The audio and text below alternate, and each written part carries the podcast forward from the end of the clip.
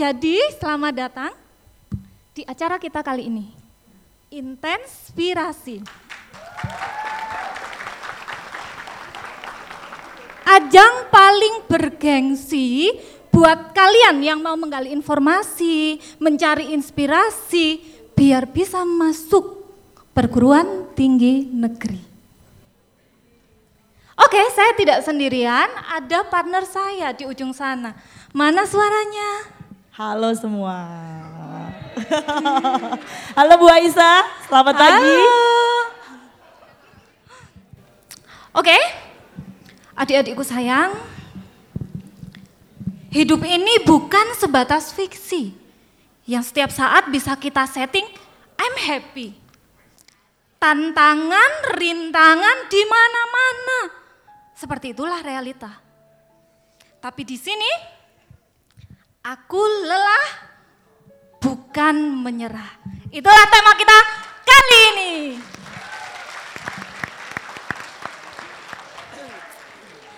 Langsung saja biar tidak tambah penasaran. Jadi nanti kita akan sharing dengan veteran-veteran yang bisa memberikan informasi terkini. Oke, kita tampilkan veteran yang kali ini dari kota Jogja. Berarti mana tuh? Oh, siapa yang pengen masuk sana? Angkat tangan. Amin ya Allah, mudah-mudahan 2020 ya. Oke, silakan kita saksikan profilnya. Oke, kita sambut dengan tepuk tangan paling meriah. Silakan. Selamat datang Zaki dan Selamat datang Gita. Zaki dan Gita.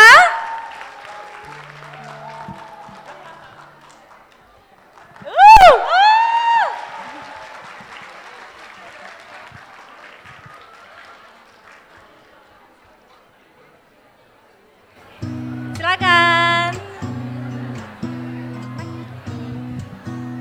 Bisa minta mic lagi?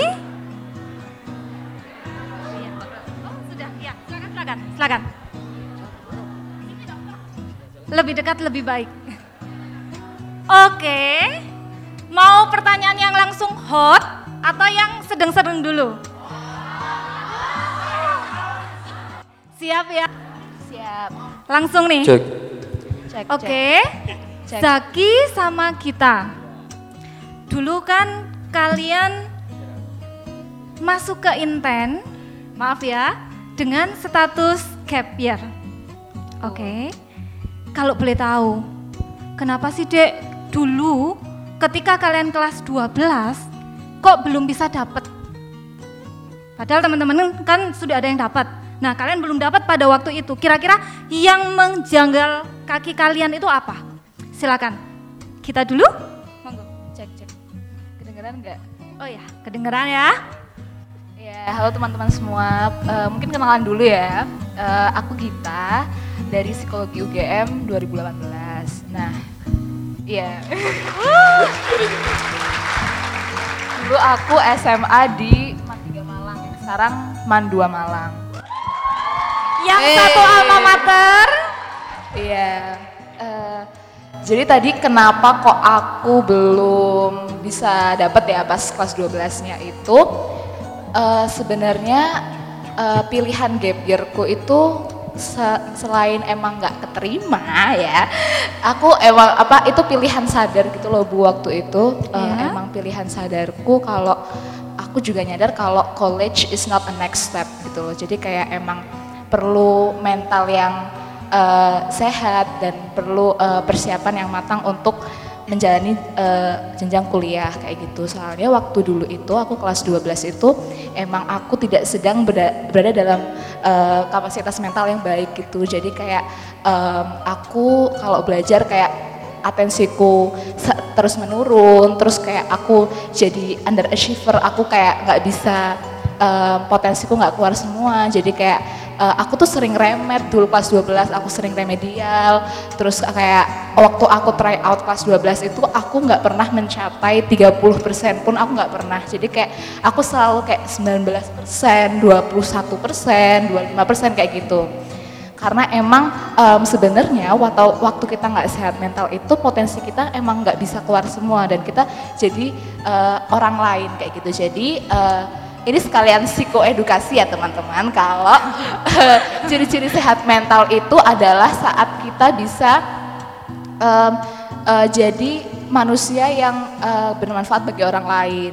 Dan bisa eh, ini kayak kita senang terus kayak atensi kita eh, tidak jarang menurun terus kayak habis itu tidak mempunyai em, apa masalah-masalah tidur kayak gitu itu perlu diperhatikan ya teman-teman iya Oke, gitu. luar biasa. Intinya ketika kelas 12 karena merasa mentalnya belum siap buat kuliah, makanya dia memutuskan untuk mengulang lagi.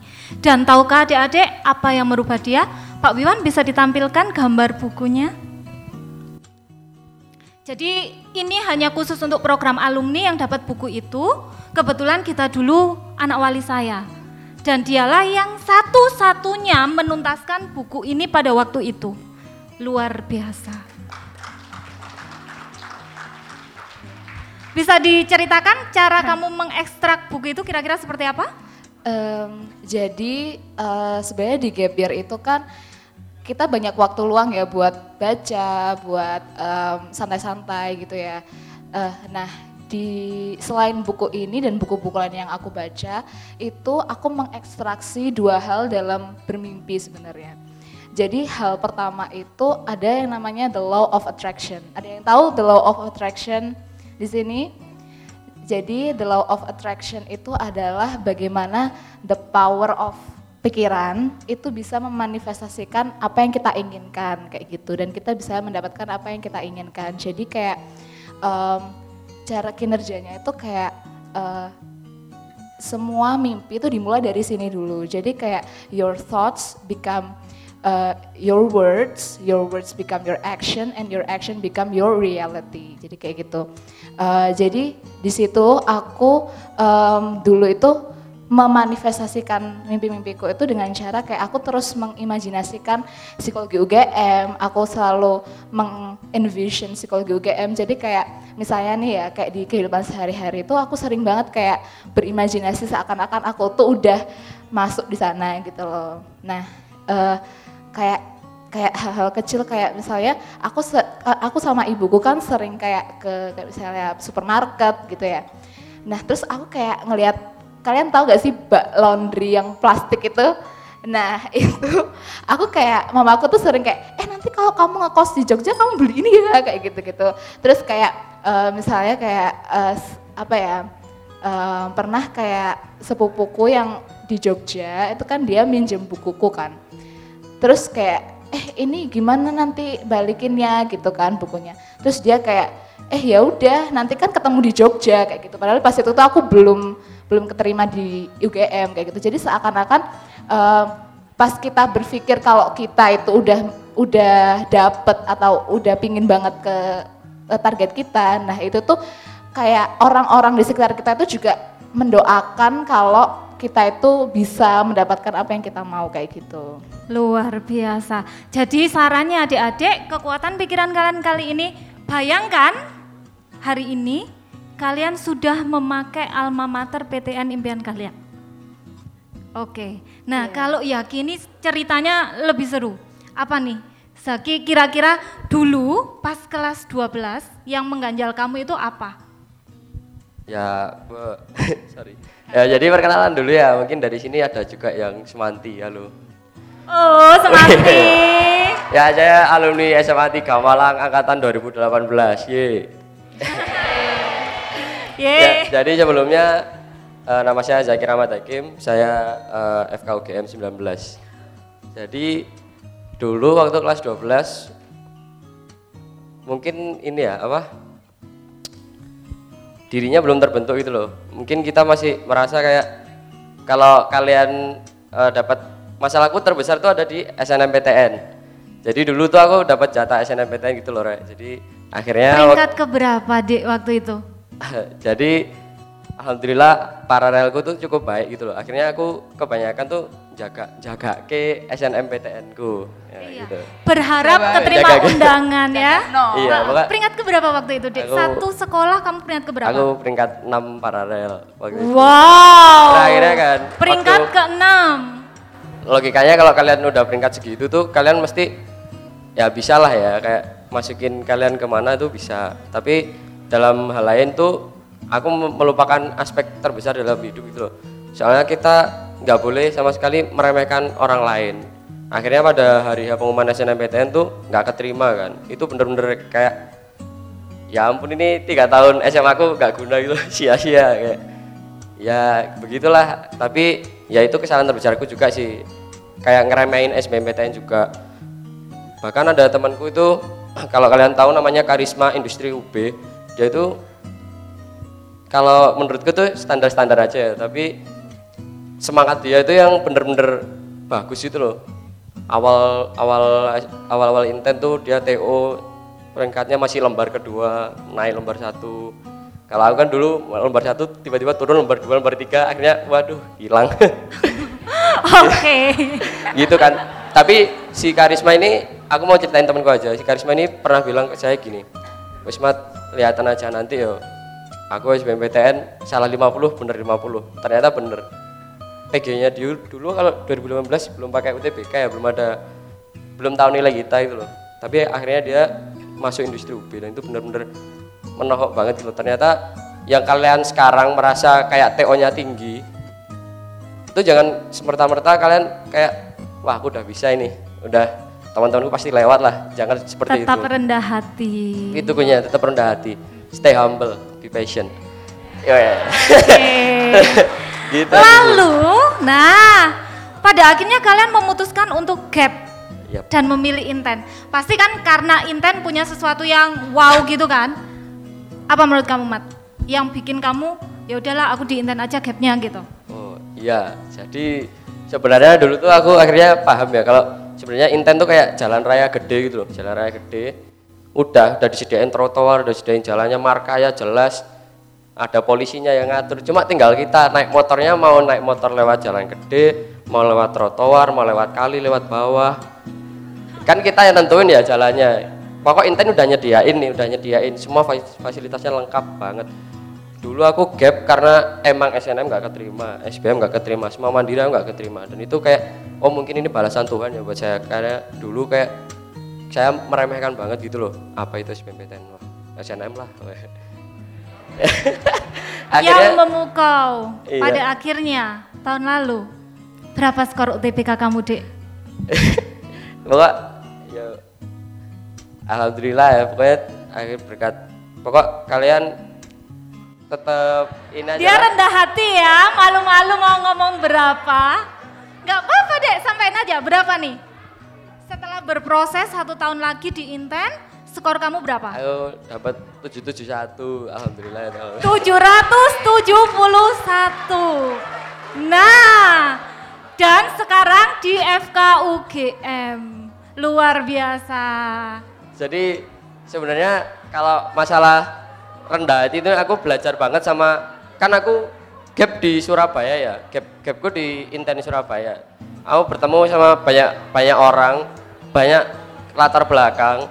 Kayak aku tuh nggak ex- expect dia itu kepribadiannya seperti ini gitu loh. Akhirnya aku dapat mencontoh mereka. Contoh satu eh, contoh aku ambil dua orang ya.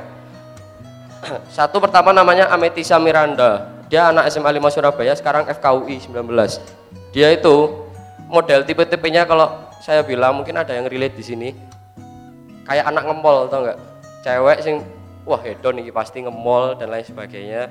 Pokoknya aku expect dia pertama kali ke Inten tuh bilang aku mau FKUI mat aku mau bilang ke teman-temanku yang remehin aku katanya FKUI berat bisa aku kayak gini tapi aku kayak iya kan kan ngemol terus ya tapi ternyata apa ternyata apa kalian tahu dia nggak pernah belajar di Inten. Eh maksudnya nggak pernah ke- kelihatan di Inten belajar itu loh. Ternyata dia kan tahunya aku habis Inten ke Grand City habis Inten ke mall. Langsung ngapain anak ini? Ternyata dia di Inten eh di mall ngapain? Dia belajar. Dia ambil Oke. di food courtnya dia belajar. Karena kamu tahu kenapa? Karena setiap orang memiliki cara belajar mereka masing-masing. Dan kalau kamu mengikuti cara belajarku belum tentu uh, sesuai dengan cara belajar kalian yang kedua yang ingin saya sampaikan itu teman saya namanya kembar dia Angelina Angelica sama SMA 5 Surabaya skornya lebih tinggi dari saya 780 dia Luar FKUI biasa. bahkan saat dia keterima F, eh, udah kayak 780 tuh kayak ini TB, UI, UGM, UB semua dipilih. Tinggal kamu memilih mana gitu. Dia tuh masih tetap bilang ke, ke gini ke saya, Mas, aku kok takut ya nilai gini. Aku takut nggak masuk kayak gini gini gini. Dia itu emang pinter tapi humble-nya tuh kayak gila humble Karena banget. sudah ngomongin UI, nggak apa-apa ya kita undang yang dari UI juga ya. Pengen tahu kan dari UI kan? Oke. Oke. Kita hadirkan yang dari UI dan ada juga dari FKUB. Ini profilnya, silakan.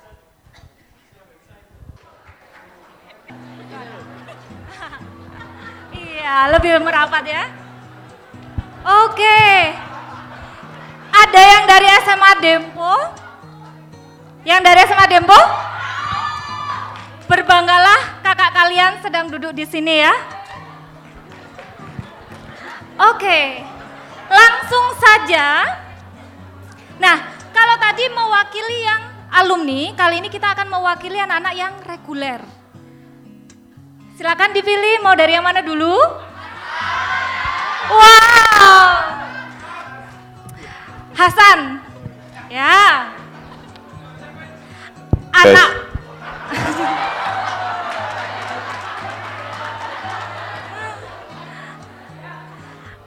anak nongkrong, tiap hari ngopi, tapi masuk ke UI. Kece badai. Oke, San. Dulu ketika kelas 12, banyak anak yang bilang, Bu, mau UTS, Bu, UPRAK, Bu, persiapan UN.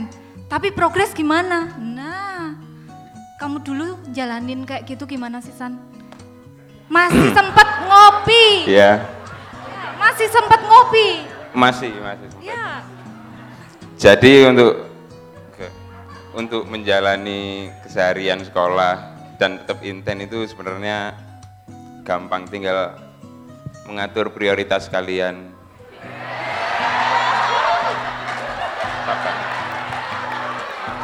Anak manajemen Jadi- suka mengatur ya. Ya. Jadi sebenarnya yang penting itu prioritas kayak kalau prioritas nomor satunya inten, masa ada yang membebani untuk inten kayak urusan waktu atau apa pun. Ya paham Arek, kok tim. Paham, loh, paham nggak? Paham ya?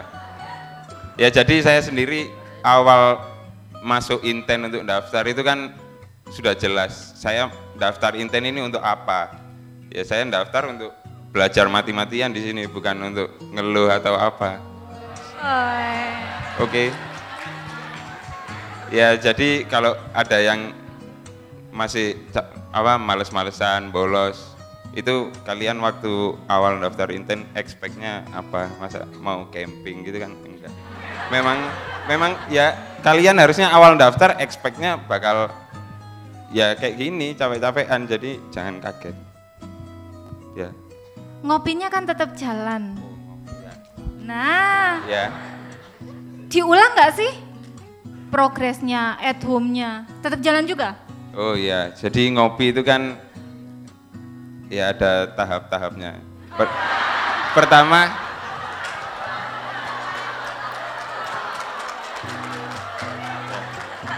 Jadi pertama datang ke tempat ngopi ya duduk ngobrol dulu sama anak-anak.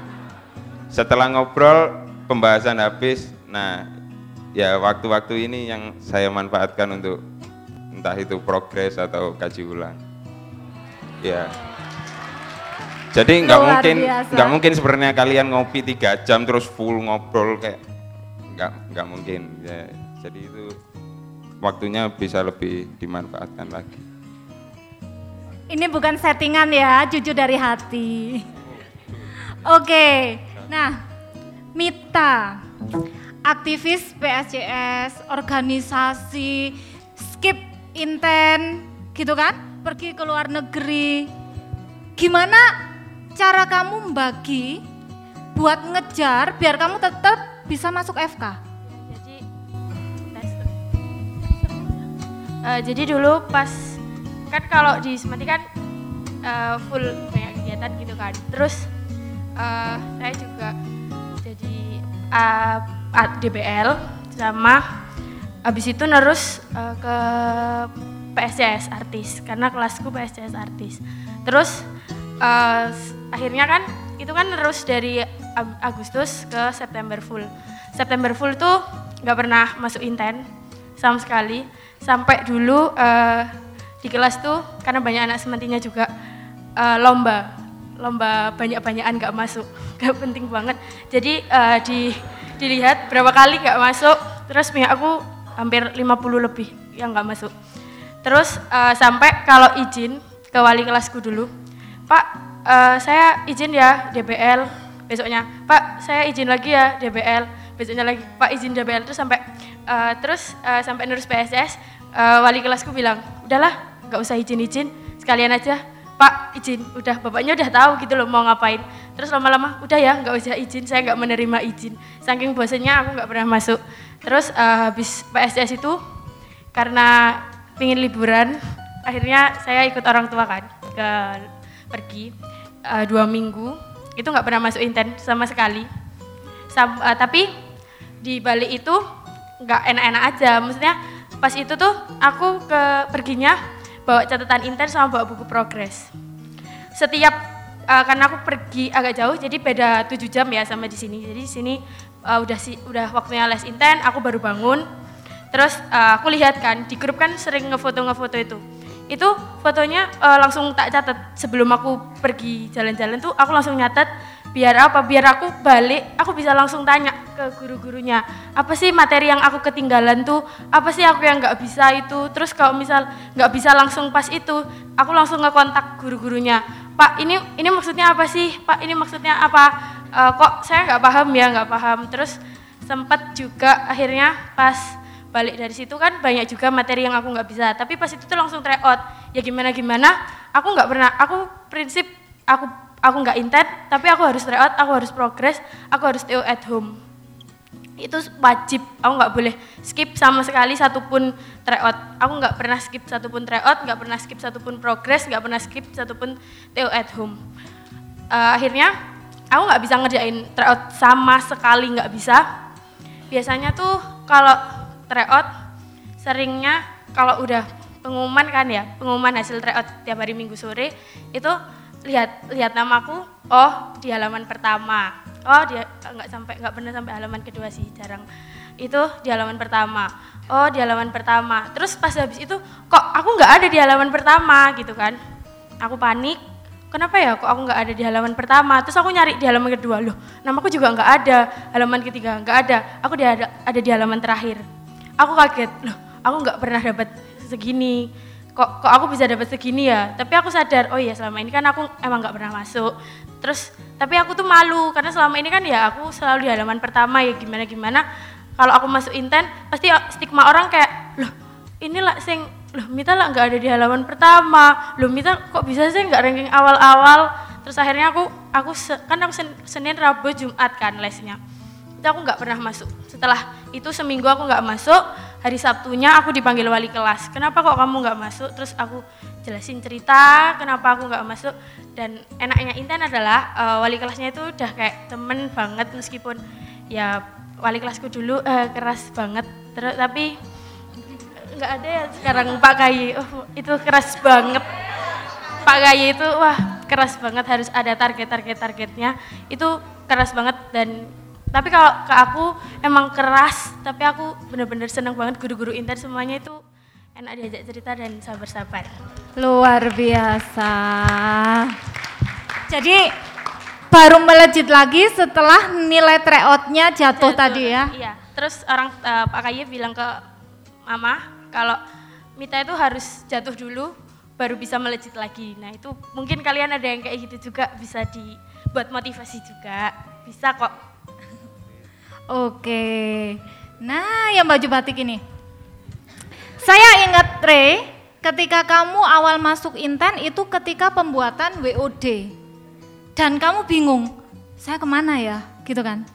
Endingnya yang bisa memimpin kamu akhirnya menemukan suara hati. Dan sekarang di HIUI kan? Itu seperti apa ceritanya? Eh, sebelumnya mungkin saya dari Tempo ya, Tem Tempers. Eh, saya lulus dari Depo itu tahun 2017, jadi mungkin kita nggak sempat ketemu. Terus saya di Inten Bogor masuk tahun Januari 2017. Eh, ya sama seperti kebanyakan kelas 3 lainnya, saya awal-awal itu merasa bingung mau ke mana tujuan habis SMA, mau kerja atau kuliah, mau kuliah di mana. Saya jujur sangat bingung. Nah, pas bingung-bingungnya itu eh, ada teman saya di Dempo, dia menawarkan kepada saya brosur, brosur ya, brosur les-lesan begitu. Ya tidak lagi les-lesan inten. Nah, nah eh, dia bilang kalau katanya kalau mau kalau masuk les-lesan ini auto dapat PTN. Uh, auto ya? Terus ke dia juga bi- perlu orang lagi buat biar memenuhi kuota untuk membuka kelas baru. Jadi saya segera saya kan tertarik dengan kata-kata teman saya. Jadi Bukan gara-gara marketing ya, Iya. gara-gara temen ya. Jadi saya segera ngobrol sama orang tua mau nanya saya mau les ma. Ini terus awalnya memang sulit ya karena eh, bilang ke orang tua karena pengalaman saya les itu males-malesan. Jadi su- su- untuk meyakinkan orang tua itu cukup susah. Tapi akhirnya diperbolehkan. Nah eh, masuk di Inten itu saya gambaran mau ke mana itu nggak ada sama sekali. Mau kuliah di mana. Sampai-sampai pas Wall of Dream itu yang masang-masang nama sama tujuh mimpi-mimpi itu saya justru ikut-ikutan teman mau masuk ini oh ya ikutan gitu. Karena memang abstrak sekali saya nggak tahu mau masuk ke mana. Nah tapi selanjutnya seiring dengan waktu mungkin satu dua bulan kemudian saya sudah mulai eh, karena berkat berkat tanya-tanya ke teman kemudian berkat riset-riset di internet dan sebagainya akhirnya saya menemukan ketertarikan pada HI baru tertarik ya. Terus terus eh, beberapa saat kemudian saya di saat yang lain teman-teman yang lain itu udah ini eh, sudah memasuki waktu-waktu intensif. Kalau waktu saya itu satu bulan bu ya. Intensifnya Satu selama bulan satu dulu. bulan. Ya teman-teman yang lain itu sudah sudah matang mau masuk PTN ini kuliah ini. Nah sedangkan saya baru tertarik sama HI jadi saya sangat khawatir dan pusing gitu. Nah baru akhirnya saya mem- memantapkan mau masuk HI. Nah, kalau perkara mau masuk PTN mana, saya sangat terbantu dengan sistem dan fasilitas dari Inten. Jadi jadi tryout, kemudian konsultasi yang disediakan oleh wali kelas dan yang menadakan orang tua. Akhirnya saya dan dan berkaca pada hasil-hasil tryout, akhirnya saya menentukan pilihan pertama di UI gitu. Tapi ada kisah di balik itu ya. Dulu ketika Ray sudah menetapkan pengen HIUI, ternyata orang tuanya nggak setuju. Janganlah mbak kejauhan, di sana nanti siapa yang mantau, terus biayanya juga mahal. Saya cuma sempat bilang kayak gini ke orang tuanya, Bu, kita nggak tahu loh, bisa jadi putra ibu nanti bagian salah satu orang besar di negeri ini. Hanya gara-gara dihambat untuk masuk UI padahal dia berpotensi. Dan dari situ saya deal-dealan dengan ibunya. Ya sudah Bu, nanti kalau nilai tryout-nya bisa di atas 55 diizinkan ya. Dan ternyata tryout terakhirnya 59. Oke, itu kilas balik aja ya. Nah, program di Inten itu salah satunya progres kan ya? Capek nggak sih ngerjain progres itu? Capek nggak progres? Capek lah gitu. Ayo, ayo, siapa yang mau jawab dulu? Silakan. Pilih lagi, pilih lagi. Ah ya, progres. Oke, Kit, silakan. Ada Bu, Eh, progres. Oke, progres. Eh, Capek nggak? banget. Oke, banget. Terus. Tapi ada efeknya nggak sih? Ada, ada, ada. Jadi kayak eh, apalagi di kuliah ya, itu tugas tugas-tugas kuliah itu tugas-tugas yang membutuhkan em, ketahanan kerja yang baik dan ketelitian dan lain-lain. Nah, eh, aku ngerasa dan mungkin teman-teman di sini juga ngerasa kalau eh, siklusnya inten yang kayak habis tryout, terus TO at home, terus di progress itu tuh aku ngerasa di situ tuh eh, ketahanan kerjaku dibentuk gitu loh. Jadi kayak progres ini membentuk soft skill yang kita tuh nggak nyadar gitu loh. Dulu tuh kayak kita pasti kayak duh capek gitu, tapi ternyata itu yang membentuk eh, gaya kerja kita kayak gitu. Jadi kayak pas dikasih tantangan yang lebih besar itu lebih tahan gitu. Kayak gitu. Ya. Oke, kalau Zaki gimana Ki? Waduh, progres ya. Berarti Hmm. dua kali ya. Jadi kalau progres itu ini istilahnya kalau saya mikirnya apalagi ini saya bilang berhubungan sama fakultas saya. Kalau fakultas kedokteran kan sistemnya pakai blok ya. Jadi kalau inten tuh ibaratnya lingkaran setan. Tahu nggak ya? Habis tryout, pelajaran, tryout lagi, pelajaran lagi, tryout lagi kayak gitu kan. Kalau di kedokteran tuh ya juga sama. 6 minggu sekali kalian ujian blok, 6 minggu sekali kalian ujian blok. Kalau di inten kan paling cuma satu tahun ya. Nah kalau di kedokteran tiga tahun setengah, wis muntuk-muntuk. ya nggak Berarti bisa. kalau di, di FK itu lingkaran apa? lingkaran iblis. lingkaran iblis ya? Enggak ya, tapi emang kalau di inten kalian belajar, kalian difasilitasi dengan soal tuh kalian harusnya bersyukur ya, karena eh, tidak kalian pun udah gak perlu bingung nyari soal itu loh. Kalian tinggal minta soal, eh, kalau bisa dikerjain dikerjain, kalau nggak bisa nanya ten tentor, kalau gitu nanya temen kan bisa. Jadi kalau menurut saya progres itu sangat membantu banget itu loh untuk mungkin kalian sekarang nggak ngerasain ya bagaimana budaya kalian dalam mengerjakan progres itu kayak terpaksa, aduh nggak bisa capek, malas. Tapi nanti kalau kalian ngerasain, teman-teman mungkin di sini juga ngerasain, nanti di perkuliahan itu bakal kerasa banget gitu loh budaya-budaya seperti belajar, nyicil, nyicil penting banget. Kayak nyicil belajar, review, kaji ulang kalau kata Hasan. kaji ulang itu bakal akhirnya terbawa gitu loh. Dan nanti nanti ini ingat kata-kata saya. Nanti kalau kalian di universitas kalian ketemu sama siswa-siswa inten lainnya di dari kayak temanku banyak dari Jogja, Riau tuh bahkan ada dari Jakarta, inten Jakarta. Itu budaya-budaya mereka itu bakal kayak di inten kayak kaji ulang progres itu bakal kebawa sama mereka terus gitu. Bahkan bolpennya pun masih warna-warni gitu masih sama tetap tetap bahkan tuh ya kayak budaya-budaya seperti itu yang menurut saya nggak akan kalian dapat di mana gitu loh kalau nggak di sini seperti itu Luar biasa. Jadi intinya Intan tidak sekedar mengantarkan ke PTN, tapi bisa membuat kalian survive ketika kuliah nanti. Oke, kalau Re, dulu kan saya perhatikan kartu progresmu itu paling rajin diisi. Ini benar sekian, ini salah sekian, dan kamu mentargetkan. Jadi, oh aku harus naik sekian persen. Sekarang ketika kamu kuliah, masih nggak sih? IP-mu luar biasa kan? Eh iya, luar biasa. Jadi nilai dia itu stabil adik-adik. Dan stabilnya stabil meningkat. Stabil meningkat. Luar biasa. Oke, sekarang saya ingin menyapa Sobat Ambiar tadi mana ya? Saya Soulmate, ya. soulmate. Am- Oh di sana. oke. Ambiar saya Bu dengerin Oke, semua oke, kisahnya oke. itu tadi. Iya.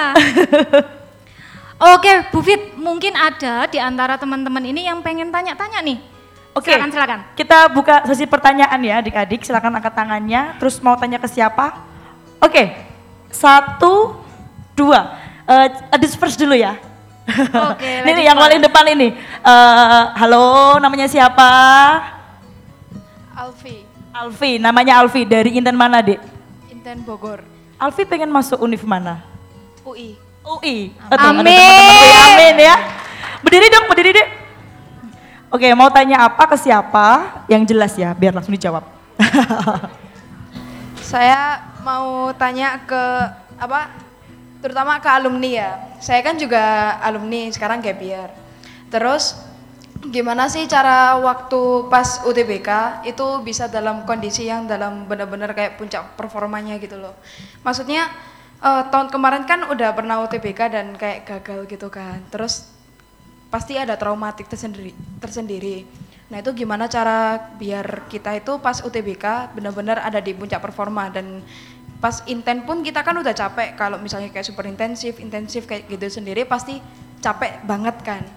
Itu gimana biar tetap bisa ngadepi UTBK dengan maksimal gitu. Makasih. Oke, luar biasa. Jadi inti pertanyaannya adalah gimana sih biar nanti pas bener-bener tempur itu all out. Semua yang dipelajari itu nggak nervous, udah mentalnya nggak terbayang-bayang lagi masa lalu kayak gitu. Ayo, siapa yang mau jawab? Silakan. Kita? Oke. Eh, halo Aufi. Eh, Hai. jadi eh, kalau aku dulu itu em, pernah sempat baca ada yang namanya mindfulness. Jadi mindfulness itu adalah eh, berpikir here and now. Jadi sekarang dan di sini dan eh, ada juga eh, ini psikolog psikolog Jawa namanya Suryo Mentaram itu dia pernah bilang saiki neng kene ngene. Nah, itu yang aku terapkan waktu itu. Jadi kayak saiki neng kene ngene itu kayak sekarang di sini kayak seperti ini. Nah, jadi kayak em, kita kan sering ya kayak eh, kita belajar tapi pikiran ke mana-mana. Nah, itu eh, cara untuk pas itu aku eh, mengatasinya itu kayak eh, aku bikin sering bikin gratitude journal. Kayak hari ini tuh aku bersyukur karena misalnya aku makan ramen misalnya kayak gitu. Nah hal-hal kecil kayak gitu tuh yang kita lakukan setiap hari itu bikin kita nggak merasa kita di situ-situ aja gitu. Kita tuh berkembang kayak gitu. Nah eh, terus mungkin eh, sering-sering kayak em, kamu misalnya berangkat ke Inten lebih awal, jadi kayak kamu bisa jalan sambil kayak ngeliat orang-orang, jadi kayak kamu mindful akan sekitar gitu loh, jadi kayak eh, lebih menikmati dan bisa berpikir here and now kayak gitu. Oke, intinya fokus ya. Iya, fokus. Jiwa dan raga sepenuhnya berada di sini gitu ya. Iya, iya. Oke, dan datang lebih awal. Terjawab iya. Alfi? Tap- Oke. Oke, Bu Fit mungkin penanya berikutnya. Mungkin Zaki juga mau jawab Oh, kan sama-sama alumni. silakan, Zaki. Aduh, kalau uh, full performance tuh aku juga baru inget kayak gitu ya. Jadi aku pernah dibilangin sama siapa ya? Pak Iti apa ya? Coba.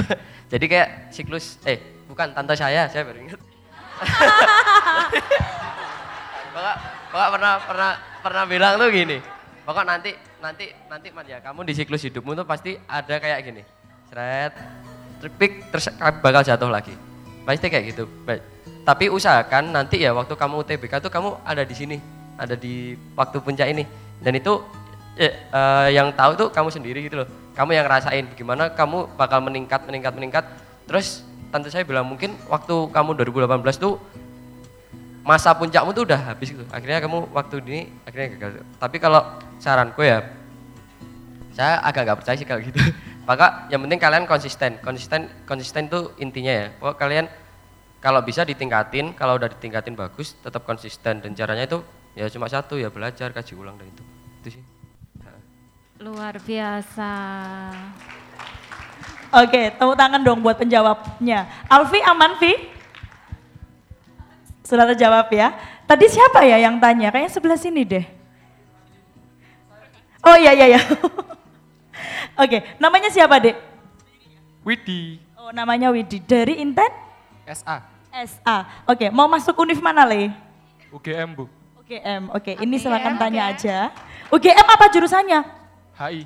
HI juga, tapi di UGM ya. Kalau Rena kan di UI gitu ya. Oke, berdiri aja, tolong ditanyakan dan sebutkan mau tanya ke siapa. Ya. Ya, Assalamualaikum warahmatullahi wabarakatuh. Waalaikumsalam. Waalaikumsalam warahmatullahi wabarakatuh. Saya mau tanya khususnya ke Kak Mita. Oke. Ya, itu jujur ya, saya orangnya masih kurang bertanggung jawab soal waktu. Terus jujur saya juga suka ngegame, suka nonton film, terus HP-an. Terus itu kayak gimana ya, bisa memanfaatkan waktu selama 24 jam itu secara maksimal untuk kaji ulang, progres, apalagi kan udah intensif kan. Nah itu gimana caranya buat memanfaatin waktu semaksimal mungkin. Terima kasih. Silakan kita. Oke, makasih Widi. Silakan Bu Aisyah, Dek Mita, Iya, monggo. Mita silakan. Eh, kan kalau aku biasanya tuh gini kan Senin sampai Sabtu ya kalau dulu pra intensif namanya pra intensif itu Senin sampai Sabtu itu terus be- paginya sekolah sampai jam 3 kan ya sekolah biasa terus habis itu pulang inten. Inten tuh bener-bener nggak aku sama sekali nggak pegang nggak pegang HP kecuali istirahat. Pokoknya bener-bener stop main HP pas inten aku fokusin belajar habis itu pulang. Pulang aku biasanya langsung ba- bentar aja HP-an biasanya aku timer sih aku sering timer HP-an biasanya 15 menit. Terus eh, beres-beres belajar lagi. Nah belajar lagi itu aku biasanya kalau misal pas masih sekolah atau masih ada materi buat ulangan besok aku belajar untuk ulangan besok dulu. Apa yang aku prioritaskan tuh buat besok bener-bener yang buat besok dulu apa baru untuk jangka panjang. Kalau besok kan berarti kalau misalnya ada ulangan ya aku kerjain aku belajar dulu ulangannya apa. Tapi kalau setelah belajar ulangan dikira cukup aku biasanya langsung belajar yang dari inten. Nah soalnya, soalnya kan soal-soal dari inten kan yang buat jangka panjang kan maksudnya untuk UTBK kan yang masih eh, cukup jauh. Habis itu eh, habis itu aku biasanya belajarnya itu aku tuh tipe yang dari jam 8 kan pulang inten, aku baru bisa belajar itu jam 11-an. Jam 11 sampai jam 3, habis itu tidur. Nah, kan kurang kan tidurnya, jujur aja ya, jadi jam 3 sampai jam 6. Eh, tapi jangan ditiru, aku biasanya tidurnya di kelas.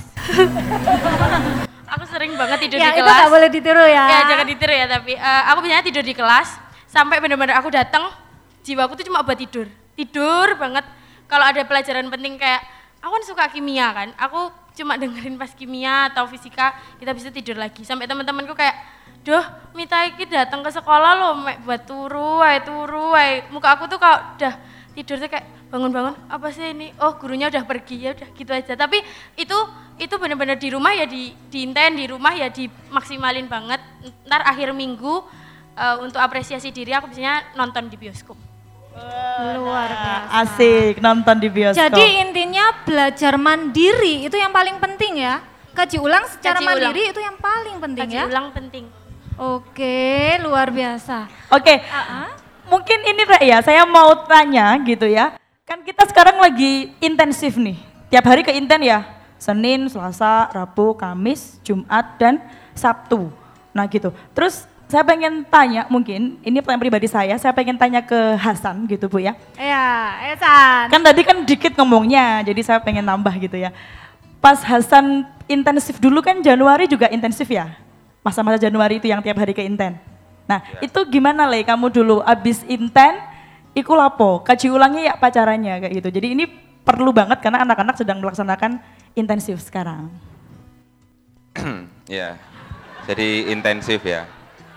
Jadi intensif itu pulangnya sore kan Bu ya? Saya juga agak lupa jujur. Januari, yang Januari. Kalau yang dulu pulang jam 8. namanya pra. Pra, dulu namanya pra intensif. Opera intensif. Iya. Pulang malam. Oh iya. Ya dengan Jadi program yang dilaksanakan ini menurut saya ya sudah sangat bagus dan terus kan lo seben seben nah program yang bagus saja ini tentunya nggak cukup kalau nggak didukung oleh kalian sendiri jadi Eh, luar biasa. Ya. Jadi setelah pulang jam 8 malam, nah itu kalau Ngopi. kalau kalau saya ya tergantung mood kadang ngopi kad- kadang kadang pulang.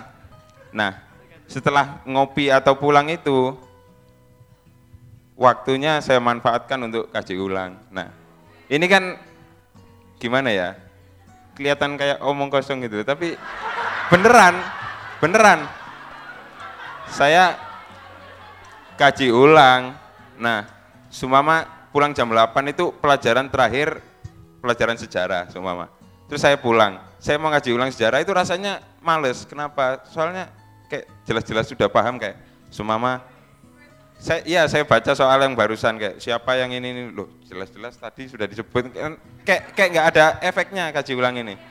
Paham nggak? Ada yang paham? Kerasanya? Paham kan? Jadi saya pulang kaji ulang ngapa ngapain ini saya baca orang jelas-jelas sudah saya baru aja dijelasin ngapain kok diulang lagi tapi justru itu yang bikin kalian nggak lupa-lupa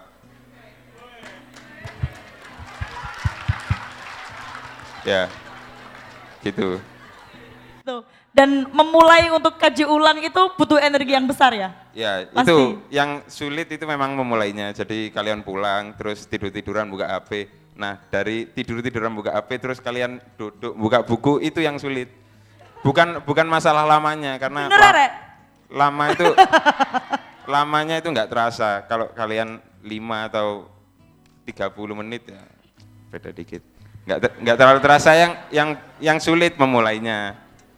Nah masa sekarang kalian apa kayak 15 menit aja deh setiap malam buat masa depan kalian sendiri masa terlalu mahal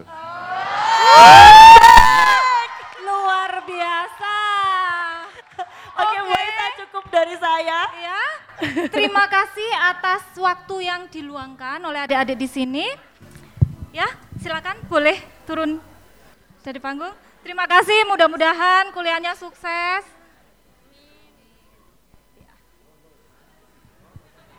Oh, sebentar. Ternyata ada yang mau memoto kita. Ayo, ayo, ayo, sini, sini, sini.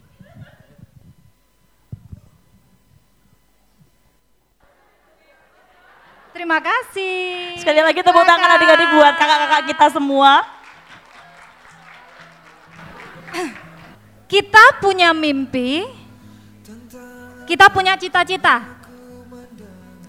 dan selalu merasa waktu kita masih cukup panjang. Setengah dari kita memilih untuk berlari biar cepat sampai ke tujuan. Sebagian memilih langkah santai sambil memikirkan tujuan. Dan sebagian lalai akan waktu dan tujuan. Lelah itu fitrah, tapi kita nggak boleh nyerah. Lelah itu fitrah, karena kita punya keterbatasan. Tapi itu bukan alasan untuk kita berhenti. Sukses sebuah proses. Sukses bukan menunggu nanti dengan sejuta alasan tapi, tapi, tapi.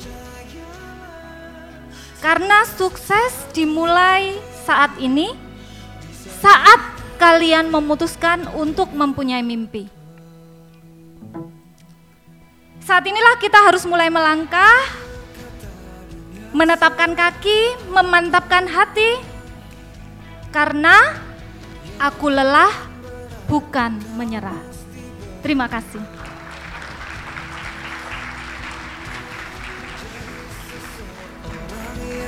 Kau